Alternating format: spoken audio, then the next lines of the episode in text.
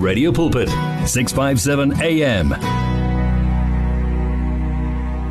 eh sindawonye ke kuze kuyoshaya u half 5 nginemiyalezo emihle njoba ke siyalapha emaphethelweni onyaka ka20 eh 20 ngiyazi ukuthi ke kwabanye akubanga kuhle kwabanye bathi nanoma ngabe sibe challenge kangakanani kodwa lokho akusivimbelanga ukuthi siphokophele phambili ngempilo ngoba siyazi ukuthi uJehova esihamba naye uyaphila. Eh mhlambe uzwile ama voices ekutshela ukuthi shiya give up and let it go thina ke namuhla sithi mm, -mm uma uJehova engakathi it is over eh sithi ke nathi sivumelana naye sithi it is not over.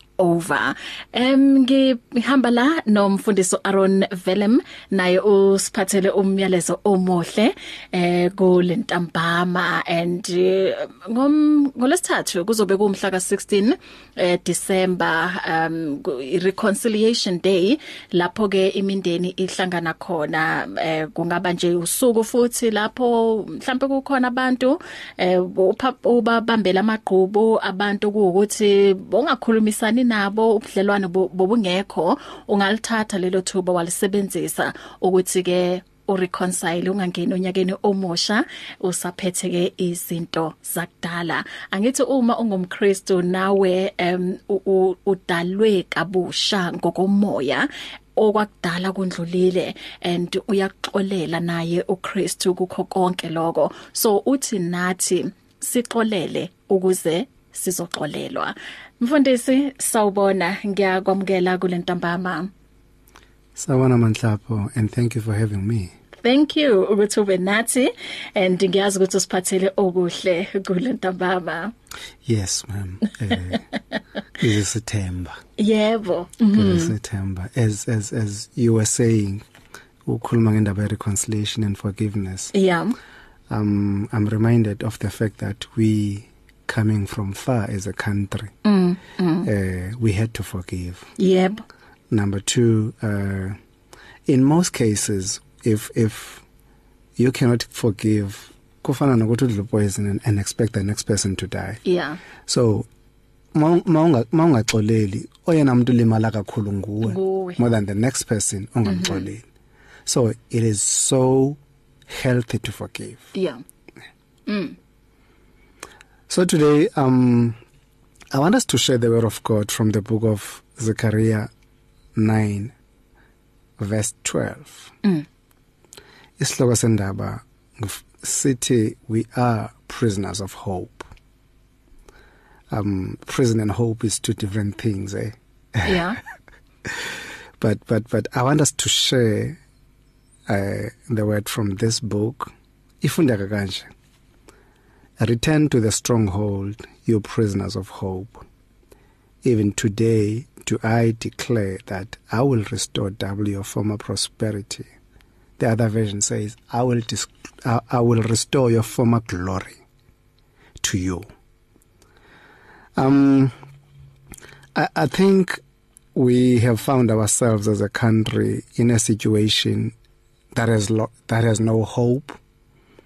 Um we have found ourselves as prisoners in our own homes but God says today we are prisoners of hope noma sivalelekile emakhaya noma singenathemba noma silahlekelwe yiko konke but at the end of the day yeah God is declaring that mm. we still are prisoners of hope mm. Um as I said initially hope and prison is two different things. Yeah. I mean they are contradicting. Uh but ithemba it's something that should keep us going. Mm. Even though we found ourselves um being quarantined some of us some some some some are being locked down. We cannot move. But God says we are prisoners of hope. Kukhona incwadi kaJoshua uchapter number 5 verse 12 there's only one sentence that is very short. It it it it it, it verse 12 manna stopped. Uh we all know the story semana. Um the bible says for 40 years six times a week a manna would fall so that ibe provision yama Israelites because uNkulunkulu wayebakhipha eGibhithe. You know you can imagine some 40 years and below abantu abakhule the only thing that they knew was manna mm.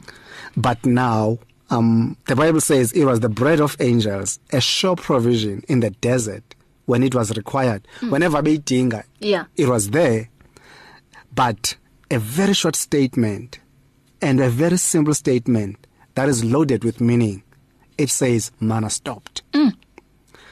Um a miracle that has been going on for 40 years had sure. just stopped those without understanding possibly lamented and cried out or befuna iculprit yokuthi kanti mm. kubani amongst us who has stopped this manna little did they know ukuthi it was God who stopped manna because um uh, uh, uh, when God stops something it is because he wants to introduce something uh, much more important than the one. Yeah. You know uma uqhubeka ngale verse ithi manna stopped when the mo the moment they ate of the fruit of the promised land.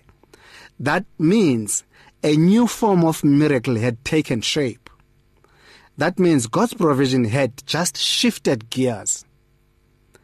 Um God's provision had just shifted gears and the provision was no longer manna but the corn of the land. So now it was governed by a complete different principles whereas in the desert manna would rain from heaven.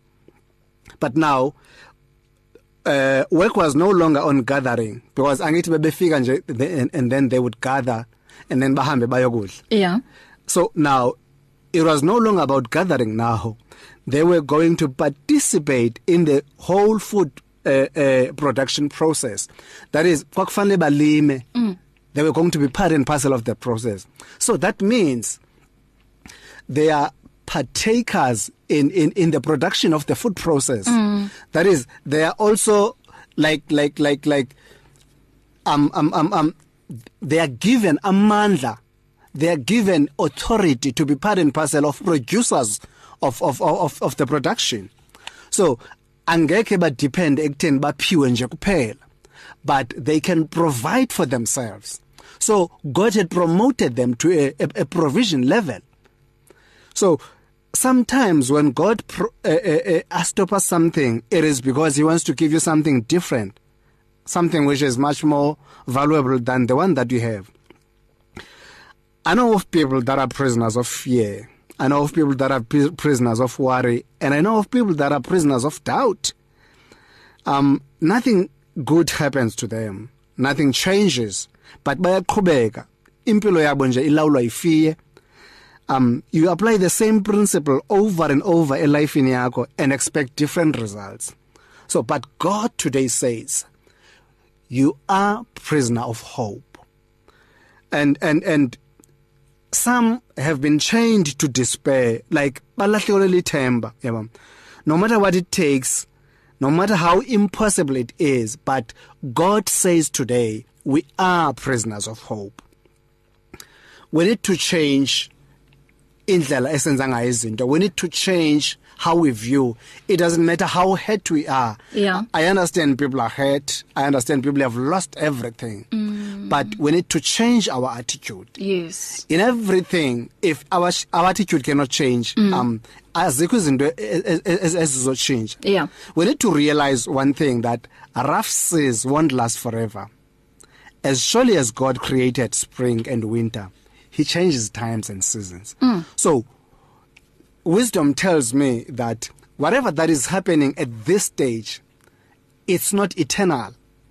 It is bound to change. Yeah but the only thing that we need to understand as a nation mm. is that what is it that we have learned from the situation? What is it that we're going to apply after the pandemic? Yes. Um because because when when god brings something mm. to us as a nation it comes to us as a learning curve mm.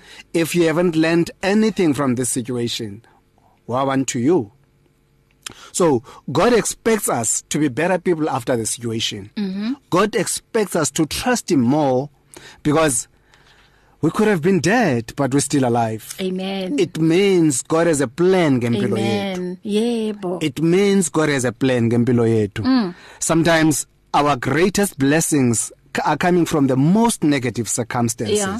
Mm. Out of the greatest tests comes great testimonies. Mm. You know, you cannot say God is good if you have never you- you've never been through the pit, mm. if you've never been through the prison. Yes. So God expects us to have testimony mm. so that we can stand and tell people about his goodness. Yeah. God says today we are prisoners of hope. Amen. We need to hold on to God's hope Amen. in whatever the situation that we're going on. Mm. Amen. Sure, uPaul nayo uyasho mfundisi ukuthi we can rejoice in our suffering because we are a people of hope. Yes, and ma'am. ithemba lethu likubani likuJehova. Yes. likuJehova. So kumele nje sihleze sikhumbula ukuthi the greater the attack against us, the greater Christ is in us. So uma kwamanje uzizwa mhlawumbe ubuthaka em khumbula ukuthi uNkulunkulu yena unamandla onke yena u strong yes. for thina ngoba uyazi vele ukuthi zizoba khona izimo lapho zenza ukuthi sibe weak khona. Kodwa ke okubalekile ukuthi kumele si rely on his presence si rely on his provision Amen. and si rely emandleni akhe. Thank you so much mfundisi ukuthi usibusise ngalamazwi eh uthini nje lapho singena khona onyakeni ka2021 phela salele only few only few weeks or only few days? Eh unyaka usaphela um yebo. I understand we've been through storms. Yeah. um one of the greatest mistakes that we do as people we take major decisions inside the storm. yeah kanti kufanele silinde istorm sidlule mm-hmm. and then take decisions because remember inside the storm you are emotional mm. most of the decisions that you take u- emotional are always wrong yeah so we need to wait until the storm is over amen then take major decisions Amen. Ah, thank you so much mfundisi umuphi nje umhlabelelo okuwukuthi uyakubusisa ongathanda ukuthi nami ngikubusise ngawe namuhla. um ungangipha mama usesiphumla mfene ma esithi amen makube njalo Makube njalo. Yes. So lokho esikushoyo kwamanje eh sivumelana nayo Jehova. Yes. Sithi makube njalo. declare. We declare. Amen. Akube njalo impela. It's difficult to face the overwhelming pressures of life alone. Sometimes we just need someone to talk to, someone to listen to us. And what better way to do that than through a quick and easy WhatsApp text? Whether you're having a hard time coping with school, family issues, being bullied, depression, or anxiety, speak to someone who cares today. Send a WhatsApp message to 064 530 6805 or 074 995 9085. Our I Am Youth Counseling team, Charles Dudoy and Danny Vambili, are ready to connect with you today. As easy as the touch of a button, the message of life on 657 AM.